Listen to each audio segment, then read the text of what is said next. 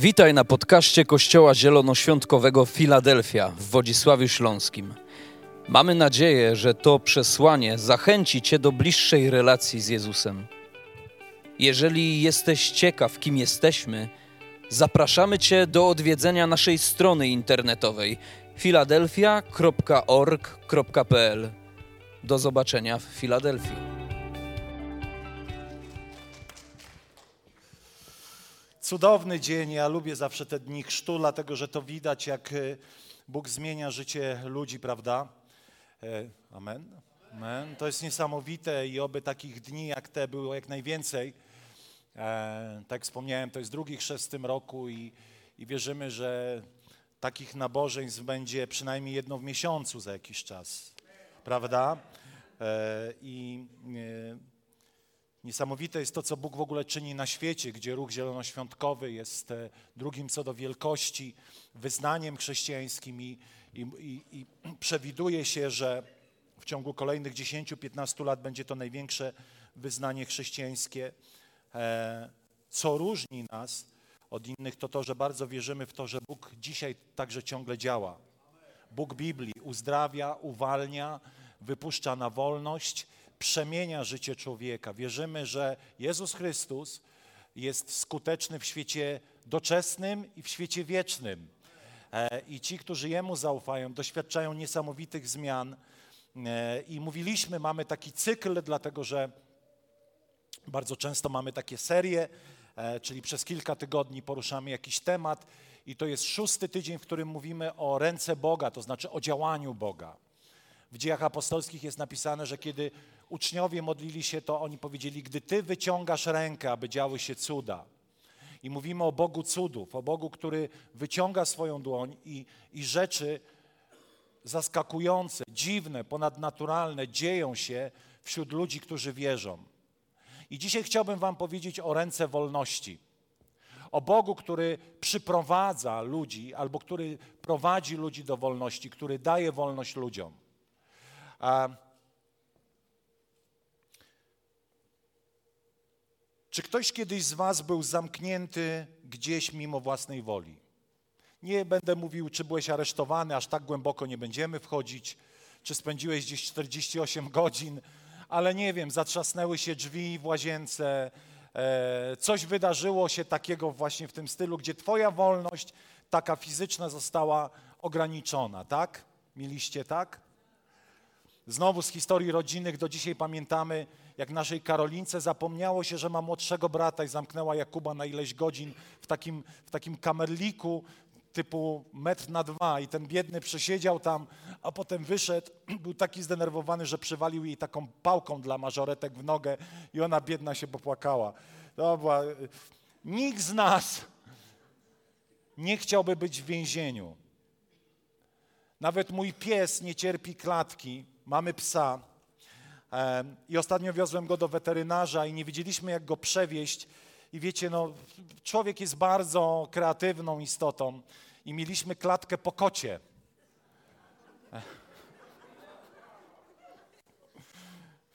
Pies to nie kot.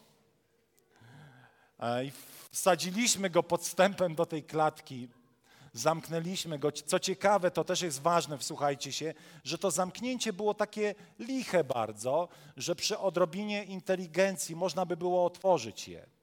Ale wsadziliśmy tego kota do tej klatki, tego psa do tej, świetnie słuchacie, tego psa do tej klatki i zawieźliśmy go do weterynarza, ale on tak jęczał, tak szczekał, tak marudził w tej klatce, że mówię, a ponieważ już wracałem sam, ja mówię, przecież ja zwariuję z nim, z tym psem z tyłu.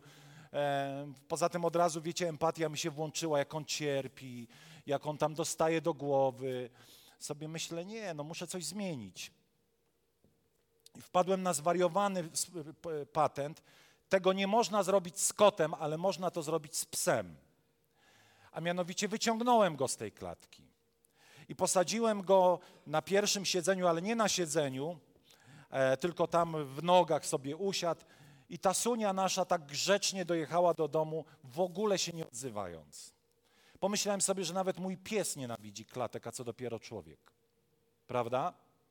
Nie jesteśmy stworzeni do życia w klatkach. Nie jesteśmy stworzeni e, do tego, aby cokolwiek ograniczało i niszczyło naszą wolność, bo wolnymi stworzył nas Bóg. Ale z powodu upadku, z powodu grzechu, który przyszedł na świat, nasza wolność została zniszczona i ograniczona. I o tym chciałbym Wam dzisiaj powiedzieć, że Bóg wyciąga swoją rękę, aby wypuścić niewolników na wolność. I oto, kiedy Jezus zaczynał swoją służbę, ponieważ w wieku 30 lat dopiero zaczął swoją publiczną działalność, po chście w wieku 30 lat, e, oto on przychodzi do synagogi, do takiego żydowskiego miejsca zgromadzeń i cytuje pewien fragment. Nie mógłby przeczytać o wiele więcej fragmentów, które były taką proroczą zapowiedzią jego przyjścia, ale z jakichś przyczyn cytuję ten fragment, który w pełni opisuje służbę Jezusa. Posłuchajcie. Duch Wszechmocnego Pana nade mną, gdyż Pan namaścił mnie, abym ogłosił dobrą wieść ubogim. Posłał mnie, abym opatrzył tych, których serca są złamane. Ja czytuję, czytam z Izajasza oryginalny tekst. Abym ogłosił, posłuchajcie teraz tego, jeńcom wyzwolenie, więźniom mroków przejrzenie. Abym ogłosił rok dobrej woli Pana i tak dalej, i tak dalej. Ciekawe w tym fragmencie jest to, że Jezus dwa razy odnosi się do więźniów. Tak jakby dwa razy powiedział to samo i zastanawiałem się i mówię, Panie Boże, po co? Przecież to jest oczywista oczywistość i nagle mówisz jakby coś podobnego. Jeszcze raz to wam przeczytam. Abym ogłosił jeńcom wyzwolenie, więźniom mroków przejrzenie. I to jest moja interpretacja. Wierzę, że ma to jakiś głębszy sens, że kiedy Jezus odnosił się dwa razy do więźniów, to w jednym fragmencie odnosi się do niewoli duchowej, a w drugiej odnosi się do niewoli cielesnej. To jest lepsze niż wasza reakcja. Niezłe, nie? Ciekawe. Dlatego, że czytając to, co Jezus czynił, to widzieliśmy, że On nie tylko wypuszczał więźniów duchowych, ale także zmieniał codzienne życie ludzi, którzy w jakichś obszarach byli w niewoli. Jezus zajął się dwoma jakby obszarami naszego życia. Tego niewidzialnego, duchowego, ale wierzę, że także chciał przekazać, że także będąc w pełni człowiekiem tu na ziemi, ty i ja możemy doświadczyć wyzwolenia od rzeczy, które nas niszczą od rzeczy, które nas zniewalają. Wiecie, są sprawy, które są drobne, nie wiem, obiadanie się w nocy. Co najwyżej dostaniesz cukrzycy, tak jak ja dostałem, ale ja to gromię i wierzę, że będę zdrowy. E, a więc nie obiadaj się w nocy słodyczami, nie zjadaj czekolady na raz. I wiecie, to są takie niewole mało, że tak powiem, e, destrukcyjne w wielkim cudzysłowiu. Ale są gorsze rzeczy. Jest niewola potępienia. Człowiek sam się potępia za błędy przeszłości. Jest niewola strachu. Ilu ludzi nie zrobi czegoś, bo się boi? Prawda? Nie zrobię tego, bo się boję. Czy naprawdę chcesz, aby strach decydował o tym, jak masz żyć? Jest niewola surowych zasad. Ludzie, chcąc podobać się Bogu, na swoje życie narzucają różne religijne, surowe zasady, które wcale ich do Boga nie, przy, nie przybliżają, a wręcz czynią ich niewolnikami poczucia winy, że nie spełnili tych oczekiwań.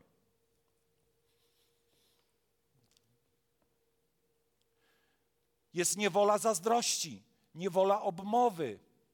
Wstaw sobie coś, z czym trudno ci żyć, a czego nie możesz się pozbyć, i to jest także niewola, którą Bóg przyszedł i raz na zawsze chciał rozwiązać ją w Twoim życiu, ale zobaczmy, jak to wszystko się odbywa. Jezus przyszedł do niewolników.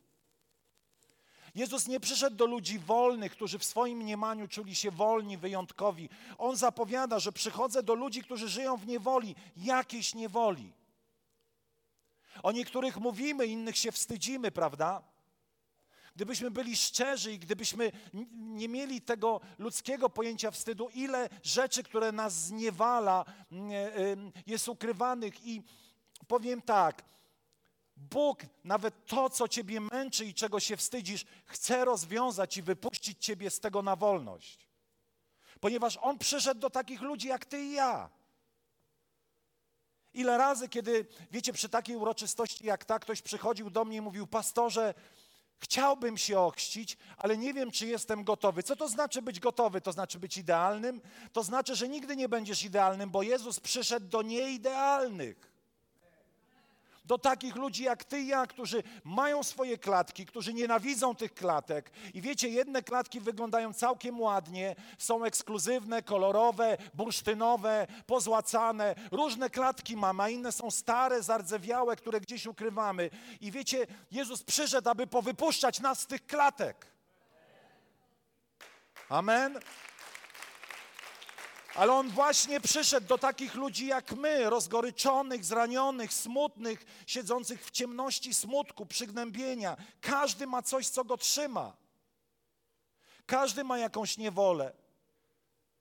Ciężki kaliber, alkohol, narkotyki, hazard, pornografia, zazdrość, zawiść, plotka, pieniądze, pusta religijność. Każdy ma coś, czego jest niewolnikiem albo czemu służy, a czemu nie chce służyć. Albo niektórzy nawet nie wiemy, że czemuś służymy i wydaje nam się, że jesteśmy wolni, ale jesteśmy niewolnikami pewnych rzeczy. Wiecie, są filmy, które dopiero rozumiesz po piątym razie. I takim filmem jest Matrix. Ja zawsze miałem poczucie winy, że jestem zbyt głupi, żeby oglądać ten film. Ponieważ za każdym razem, kiedy go oglądałem pierwszy, drugi, trzeci, czwarty raz, kompletnie nie wiedziałem, o co w nim chodzi. Prawda? Zawiła fabuła ale jedno wiedziałem, a wczoraj przeżyłem objawienie, nie nazwę tego duchowym objawieniem, ale w końcu pojąłem pierwszą część. Udało się. Wiecie, jakie to jest straszne życie sobie myśleć, jestem jednym z tych nielicznych, którzy nie rozumieją tego filmu, a inni ci opowiadają, mówią Matrix, super, a ty sobie myślisz, tam jest super, jak ja nic tam nie rozumiem. Za dużo. Ale po piątym razie Pan dał mi tą łaskę, że zrozumiałem tą pierwszą część, przynajmniej pierwszą, nie wiem jak będzie z następnymi. I wiecie, najlepsze jest to, że my naprawdę lubimy ten film, którego ja nie rozumiem. To jest najlepsze. Ale e, lubię go tylko ze względu, lubiałem go wtedy ze względu na pewien kunszt e, operatorów i ujęć, które tam były które były nowatorskie i w ogóle, ale nie o Matrixie chcę mówić. Ale jest tam jedna myśl, dlatego że wiecie, tam jest bardzo dużo analogii biblijnych. Ja nie chcę wnikać e, różnych tam e, takich tak zwanych synkretyzmów, czyli pewnych miksów nawet religii wschodu i tak dalej. Ale jest jedna myśl, która mnie bardzo ujęła. Że ludzie, którzy żyli w Matrixie, byli przekonani o tym, że to, co widzą, jest prawdą. Że to, co widzą, jest super Tymczasem byli podłączeni do urządzeń i tylko ich mózgi poprzez programy komputerowe generowały pewną rzeczywistość, która kompletnie nie istniała. I wiecie, w życiu człowieka, ciebie i mnie, diabeł chce, żebyś uwierzył w Matrix, który jest super i mówi ci tak: Zobacz, jaki jest świat, jakie fajne rzeczy ci dajemy, jakie fajne rozrywki ci dajemy. To jest takie cudowne. Zobacz, możesz mieć co chcesz. Chcesz mieć pieniądze, miej pieniądze. Chcesz mieć siedem kobiet, miej siedem kobiet. Chcesz żyć rozwiązłym życiem, żyj rozwiązłym życiem. To jest prawdziwa wolność. Korzystaj z tego. Po co ci Bóg, po co ci religia? Lepszy jest świat, który my ci oferujemy. Ale pewnego dnia za ten cały Matrix zapłacisz zapłacić za życia wiele razy nałogami, złymi nawykami, zranieniami, poczuciem winy, odrzuceniem, ale kiedy zaczynasz wchodzić w ten świat, który jest dla ciebie zaprojektowany, abyś tam zginął i przepadł, wszystko na początku wydaje się super. Tylko, że ten świat e, nie istnieje takim, jakim myślisz, że jest. Tak jak ten Matrix. Genialna scena, kiedy zdrajca w pierwszej części e, jest steka i bierze kawałek tego steka i mówi, nawet smak tego steka jest wytworem programu komputerowego. I wiecie, jest napisane w Biblii, że diabeł, szatan zmusza ludzi do pełnienia swojej woli. I z jednej strony wiemy, że coś z tym światem jest nie tak.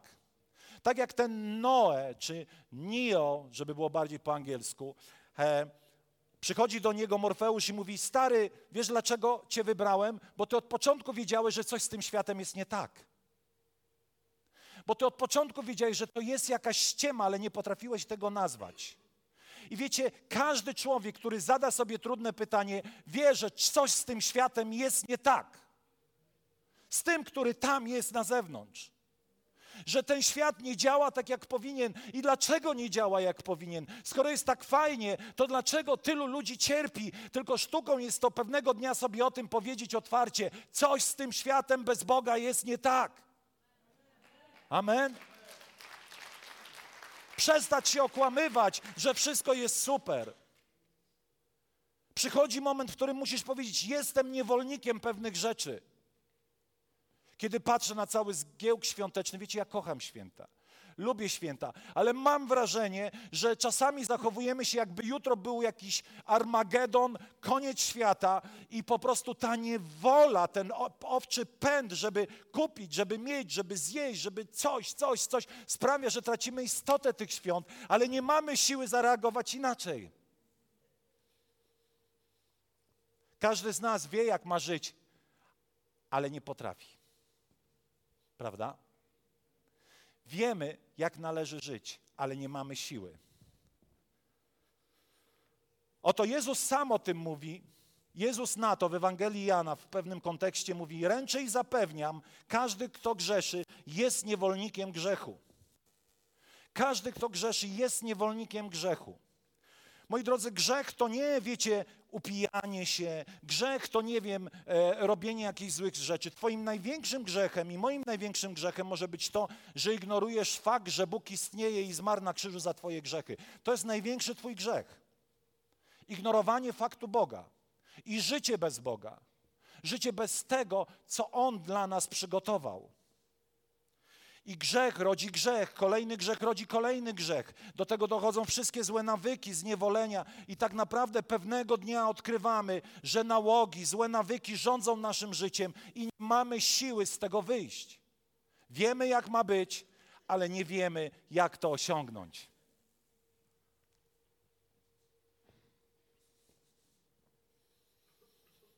Jeszcze raz przeczytam drugi list do Tymoteusza. A sługa Pana nie powinien wdawać się w spory, powinien być uprzejmy dla wszystkich, zdolny do nauczania, cierpliwie znoszący przeciwności, z łagodnością wychowujący knomnych. Być może Bóg sprawi, że opamię- op- sprawi im opamiętanie dla właściwego poznania i wyrwą się z sideł diabła, który schwytał ich do, i przymusił do pełnienia swojej woli. Największą klatką Twojego życia nie jest Twój alkohol, nie są narkotyki, nie jest pornografia, nie są jakieś złe rzeczy, które robisz w ukryciu. Największą Twoją niewolą jest to, że nie służysz Bogu, ale służysz diabłu, który zmusza Cię do pełnienia swojej woli.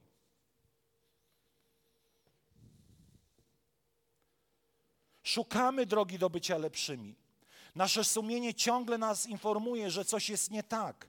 Ale pewnego dnia już człowiek przestaje szukać tego, tego głosu sumienia, zaczyna je wyciszać, zaczyna je ignorować.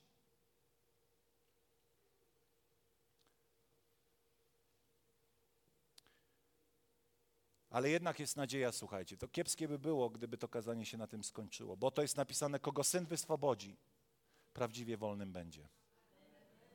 A dalej mówiąc, jest napisane, i poznacie prawdę, a prawda was wyswobodzi.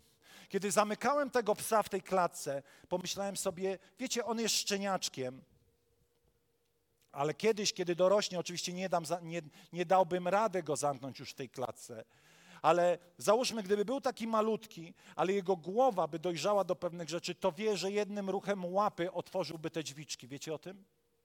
Ale ponieważ on nie wie, nie może wyjść.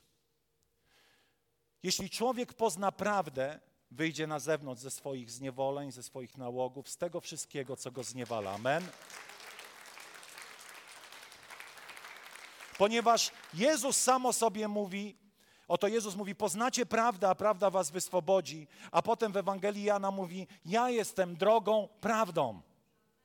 Chcesz być wolny, musisz poznać prawdę, którą jest Jezus Chrystus. Musisz poznać to, kim On jest, poznać Jego jako osobę, i ta prawda, On jest odpowiedzią na każdą klatkę Twojego życia. Oto pewnego dnia w tym Matrixie jest moment, w którym Neo spotyka się z Morfeuszem i Morfeusz mówi, jaka jest prawda. Morfeusz wchodzi do jego świata i mówi: Słuchaj, przyjacielu, to, że ty myślisz, że jesteś hakerem, ty nie jesteś żadnym hakerem. Do, twojego, do twojej głowy są przypięte kable, a te wszystkie maszyny korzystają z twojej energii. Jesteś po prostu wykorzystywany, jesteś częścią demonicznego systemu. I tak samo dzisiaj, wiecie, kiedy nagle dowiadujesz się, że nie ma czegoś takiego jak trzecia droga, to zaczynasz się zastanawiać, albo idę drogą na potępienie i niewolę, albo idę drogą na zbawienie i uwolnienie. Którą drogą idę? I chciałbym Wam opowiedzieć o historii pewnej, bardzo krótko, która mówi o tym, jak Jezus przychodzi i oswobadza pewnego jeńca. Pozornie wydaje się, że ten człowiek wcale nie jest jeńcem, ale posłuchajcie, w Ewangelii Łukasza, piąty rozdział, 17 werset do 26. Może jej nie będziemy otwierać, ja ją opowiem. Jest historia sparaliżowanego człowieka. Historia ta polega na tym, że ten człowiek nie chodzi, ma czterech przyjaciół. Tych czterech przyjaciół pewnego dnia postanawia zrobić coś z tym niechodzeniem tego człowieka. Postanawia zaingerować w jego życie. Pytanie retoryczne: czy ten sparaliżowany człowiek jest wolny, czy jest od kogoś uzależniony? Mam na myśli jego doczesność. Jeżeli leżysz na, na posłaniu, to jesteś uzależniony od, od ludzi, nie jesteś wolny, właściwie jesteś w pewnej klatce swojej choroby. Jesteś w klatce swojej choroby.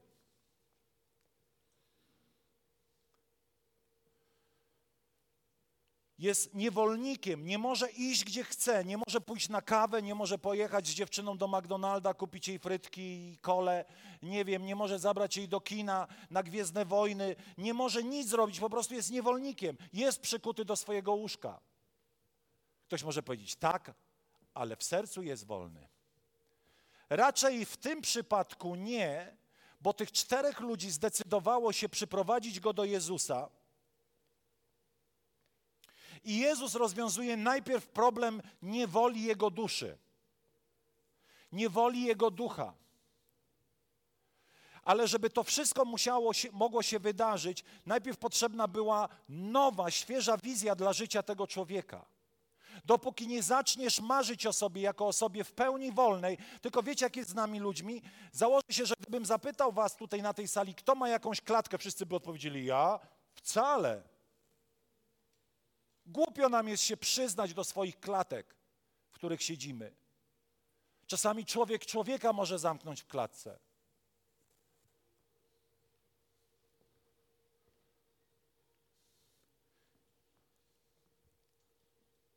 Musi być jakaś wizja wolności dla Twojego życia. Nie daj się okłamać, że stan, w którym jesteś, taki ma, tak masz spędzić resztę swojego życia. A więc tych czterech ludzi miało wizję dla niego, chociaż on już nie miał wizji. Żeby nastąpił przełom w Twoim życiu, musisz mieć wizję dla siebie jako człowieka wolnego.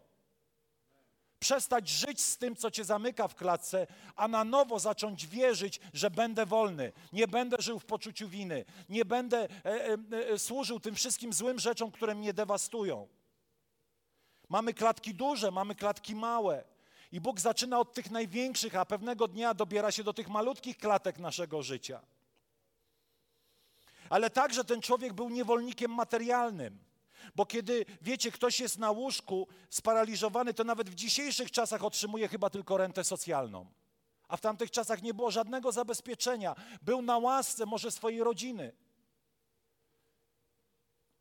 Opieka się nim społeczna nie interesowała, nie było opieki społecznej. Może po prostu utrzymywano go przy życiu. Nelson Mandela powiedział taką rzecz, tylko ludzie, przepraszam, powiedział tak. Gdy bieda wciąż trwa, nie ma prawdziwej wolności. Nie ma prawdziwej wolności. Jeśli, jeśli jesteś niewolnikiem długów, złych kredytów, Bóg także jest odpowiedzią w tej dziedzinie. I ma swój plan. I wcale się nie obraża, i wcale nie przyjdzie, a mówiłem, żebyś tego nie robił. To my ludzie często robimy wyrzuty, ale Bóg chce być odpowiedzią na każdy nasz problem. I oto przychodzi przełom. Przełom polega na tym, że ci ludzie postanowili coś z tym zrobić. Postanowili nie zgodzić się z tym stanem. Nie możesz zaakceptować miejsca, w którym jesteś. Musisz zacząć się z tym nie zgadzać. Musisz być po prostu tym, który podejmie jakiś wysiłek, aby być w pełni wolnym. Dlatego, że ręka Boża jest wyciągnięta, aby wypuścić jeńców na wolność w świecie doczesnym i w świecie duchowym. I czytamy tą historię i oto jest tam napisane, że było dużo ludzi wokół domu, gdzie był Jezus i rozebrano dach. I kiedy rozebrano ten dach, to nagle co się dzieje? Spuszczają na dół na linach tego chorego człowieka do stóp Jezusa. I my to tak czytamy, ale zadam wam pytanie. Słuchajcie, to może weźmiemy komuś dach, rozbierzemy i spuścimy kogoś na noszach w dół. Takie jak to bungee, tak? Jak to się nazywa ta lina bungee?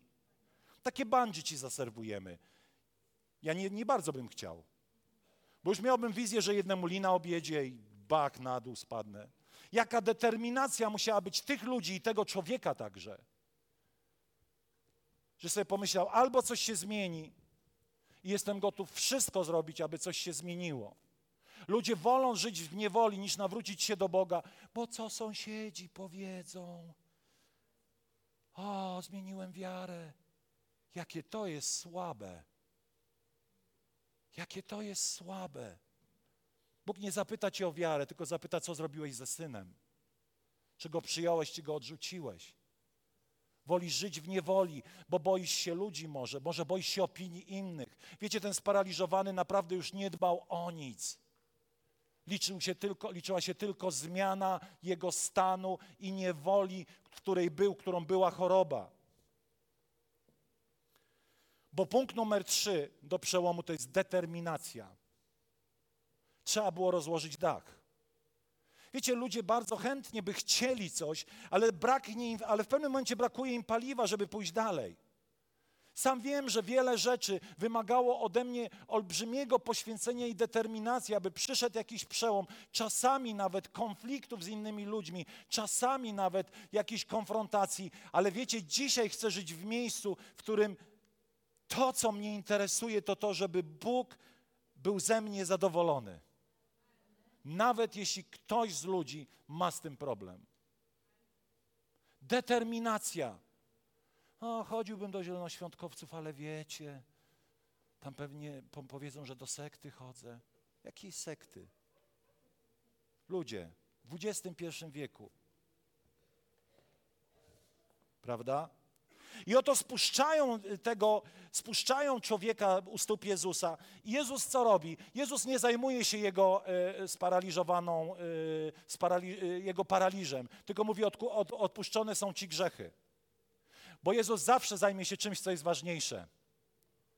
Wiecie, nie jest ważne to, czy będziesz miał pełne konto. Ważne jest to, żebyś po śmierci poszedł do nieba. To jest ważniejsze. To jest ważniejsze. Więc przestań się usprawiedliwiać, przestań wymyślać te wszystkie swoje historie. Najważniejsze jest to, czy Jezus jest Twoim Panem, czy nawróciłeś się do Niego, czy powierzyłeś Mu swoje serce i czy poprosiłeś, aby wybaczył Ci wszystkie grzechy, bo Biblia mówi, że zbawieni jesteśmy jako, jest to Boży dar zbawienia. Przez wiarę uwierzysz, że Jezus na krzyżu zmarł za Twoje grzechy, koniec, kropka, wystarczyło. Tyle? Ano tyle a potem idź i naśladuj Go. A więc Jezus mówi, odpuszczam Ci wszystkie grzechy. Czynię Cię wolnym w Twojej duchowej rzeczywistości. Wypuszczam Cię z niewoli grzechu. Wypuszczam Cię z niewoli tego wszystkiego, co, co, co mogło pozbawić Cię świetnej, świetlanej przyszłości w, w życiu po śmierci. Ale przychodzą mądrzy ludzie i mówią, chwila, chwila, jak On mógł grzechy odpuścić. Wiecie, kiedy Bóg działa i wypuszcza na wolność ludzi, zawsze ktoś powie, a Panie Boże, my Ci powiemy, jak Ty masz robić i co masz robić. Ludzie zawsze by chcieli Boga zamknąć w jakieś ramy i powiedzieć Bogu, co on ma zrobić. Ale nagle Jezus mówi, aby pokazać wam, że Syn Człowieczy ma moc, uzdrawiam ci, weź swoje łoże. To, a to nie w tej historii mówi. Po prostu wstań i idź. Kiedy ten człowiek wstał, to tak naprawdę po tym wstaniu jego wszystko się zmieniło. Wiecie dlaczego? Bo w końcu zaczął być wolny, zaczął chodzić sobie gdzie chciał, mógł pójść do pracy, mógł zrobić co chciał, mógł zapracować pieniądze, odwiedzić swoją dziewczynę, wziąć ją do McDonalda na frytki, mógł zabrać ją na Gwiezdne Wojny, mógł pójść do synagogi i posłuchać o Mesjaszu, mógł zrobić dziesiątki różnych rzeczy, których nie mógł zrobić, bo był w niewoli swojej choroby.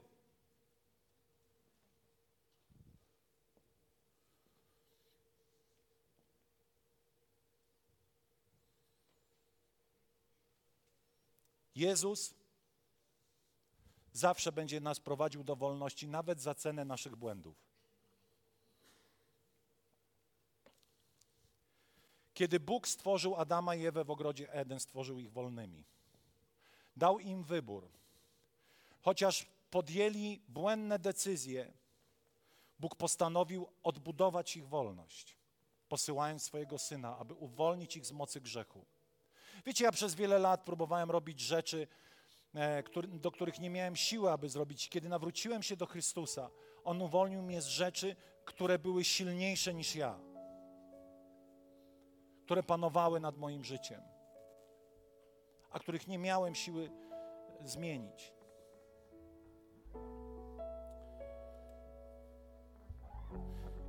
Bóg zaprasza Ciebie i mnie do wolności, nawet za cenę upadków czy złego skorzystania z tej wolności.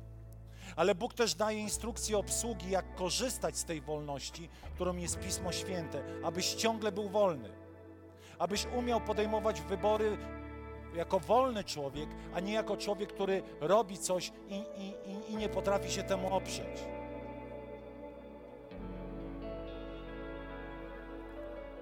Oto w księdze Izajasza jest napisana wizja dla Twojego i mojego życia. Ponieważ ci, którzy ufają Panu, wznoszą się w górę jak orły. Kiedy byliśmy tutaj z chłopakami w Tatrach, słyszeliśmy, nie widzieliśmy orłów, ale słyszeliśmy, jak gdzieś między tymi górskimi szczytami sobie fruwały. Pomyślałem sobie, jakie to cudowne być wolnym. Jakie to musi być cudowne doświadczenie szybować nad tymi wszystkimi górami. Zawsze chciałem być pilotem, ale nie miałem wszystkich zębów, więc nie mogłem iść do szkoły lotniczej. Chwała Bogu, bo nie było mnie tutaj. Zawsze chciałem widzieć ten świat z lotu ptaka, mieć to poczucie wolności. To jest przeznaczenie, do którego Bóg Cię prowadzi, abyś był wolny, abyś szybował w tym życiu nawet jeśli czasami jest trudno, aby żaden nauk, żadna klatka innych ludzi, nic nie ograniczało Ciebie, a jedynie Ty poprzez mądre wybory, abyś umiał korzystać z tej wolności. To jest Boża wizja dla Twojego życia. Jeśli nie jesteś wolny, a szczególnie kiedy w Twoim życiu siedzisz w dużych klatkach różnych toksycznych nałogów, to chcę Ci powiedzieć, że skuteczną odpowiedzią dla Twojego życia jest Pan Jezus Chrystus. Nie poprzez krótką modlitwę, ale poprzez to, że nawrócisz się do Niego całym swoim sercem. Powstańmy. Będziemy modlić się. Mamy kilka podziękowań. Iwona i Wojtek dziękują. Jest ogrom rzeczy, za które dziękujemy Bogu, jednak dziś szczególnie chcemy podziękować za to, że przez 12 lat naszych podróży między jednym a drugim domem, który dzieli tysiąc kilometrów, czasami mimo zmęczenia i niesprzyjających warunków atmosferycznych, a takie jak to było ostatnimi razy, ogromnego ruchu na drogach, Pan Bóg zawsze szczęśliwie prowadzi nas do celu. Chwała i wielkie dzięki. Leszek, Kilka tygodni temu modliliśmy się o Bożą interwencję w walce z chorobą mojego wujka. Wczoraj dzwonił, by podziękować za wysłuchaną modlitwę. Choroba zaczęła się w cudowny sposób cofać. Bogu chwała. Nadia i Noemi. Amen. Oddajmy Bogu chwałę. Nadia i Noemi. Proszą o modlitwę o uzdrowienie. Chore są, tak? Może potrzebujesz modlitwy, uzdro... potrzebujesz uzdrowienia, uwolnienia. Tam, gdzie jesteś, podnieś swoją rękę. Chcę modlić się o Twoje zdrowie najpierw. Śmiało ręka w górę, jeśli potrzebujesz uzdrowienia, cudu. A może potrzebujesz po prostu być wolny. Nie chcę, abyś podnosił swoją rękę, może to jest dla Ciebie krępujące. Ale chciałbym, aby tam, gdzie jesteś, abyś nawrócił się do Boga swoim sercem i powiedział: Panie Boże, chcę, abyś był Panem mojego życia, abyś uwolnił mnie z tego nałogu, abyś uwolnił mnie z tej klatki, w której siedzę tyle lat. Panie, wierzę, że dzisiaj jest dzień przełomu, że wychodzę na wolność. Ojcze, modlimy się o tych z nas, którzy siedzą w tych dużych klatkach, a także modlimy się o siebie, w którym mamy te może mniejsze klatki, ale one nas zniewalają. Ojcze, modlimy się o złamanie grzechu, strachu, chciwości, różnych nałogów, Panie, aby Twoja ręka wyciągała, została wyciągnięta dzisiaj i wypuszczała na wolność. Ojcze, modlimy się także za tych, którzy może są dręczeni, uciskani przez jakieś siły ciemności. Panie, modlimy się, aby teraz zostali uwolnieni w imieniu Jezusa, aby zostali wypuszczeni na wolność. My w Twoim imieniu modlimy się teraz i wypuszczamy na wolność tych, którzy są tutaj na miejscu i tych, którzy są z nami online. Ojcze, modlimy się, aby żaden nauk, żaden grzech nie panował nad naszym życiem, abyśmy byli w pełni wolni i tylko Tobie podobali się. Panie, aby wszelkie toksyczne więzi, relacje także zostały złamane w imieniu Jezusa. Panie, aby e, różne kłamstwa, które pokazują Ciebie w złym świetle, Panie Boże, zostały teraz złamane i abyś zagościł w sercach jako dobry tato, cudowny Bóg, który jest odpowiedzią dla każdego na tej sali. Ojcze, modlimy się o to w imieniu Jezusa, aby każda osoba stąd wyszła z Bogiem w sercu i powiedziała: Nawracam się do Boga. Żyłem bez Boga, żyłam bez Boga, nawracam się do Boga. Czas to zmienić. Panie, modlimy się teraz o to w imieniu Jezusa. A wszyscy powiedzą na to Amen. Amen. Oddajmy Bogu chwałę. Dziękuję, kochani.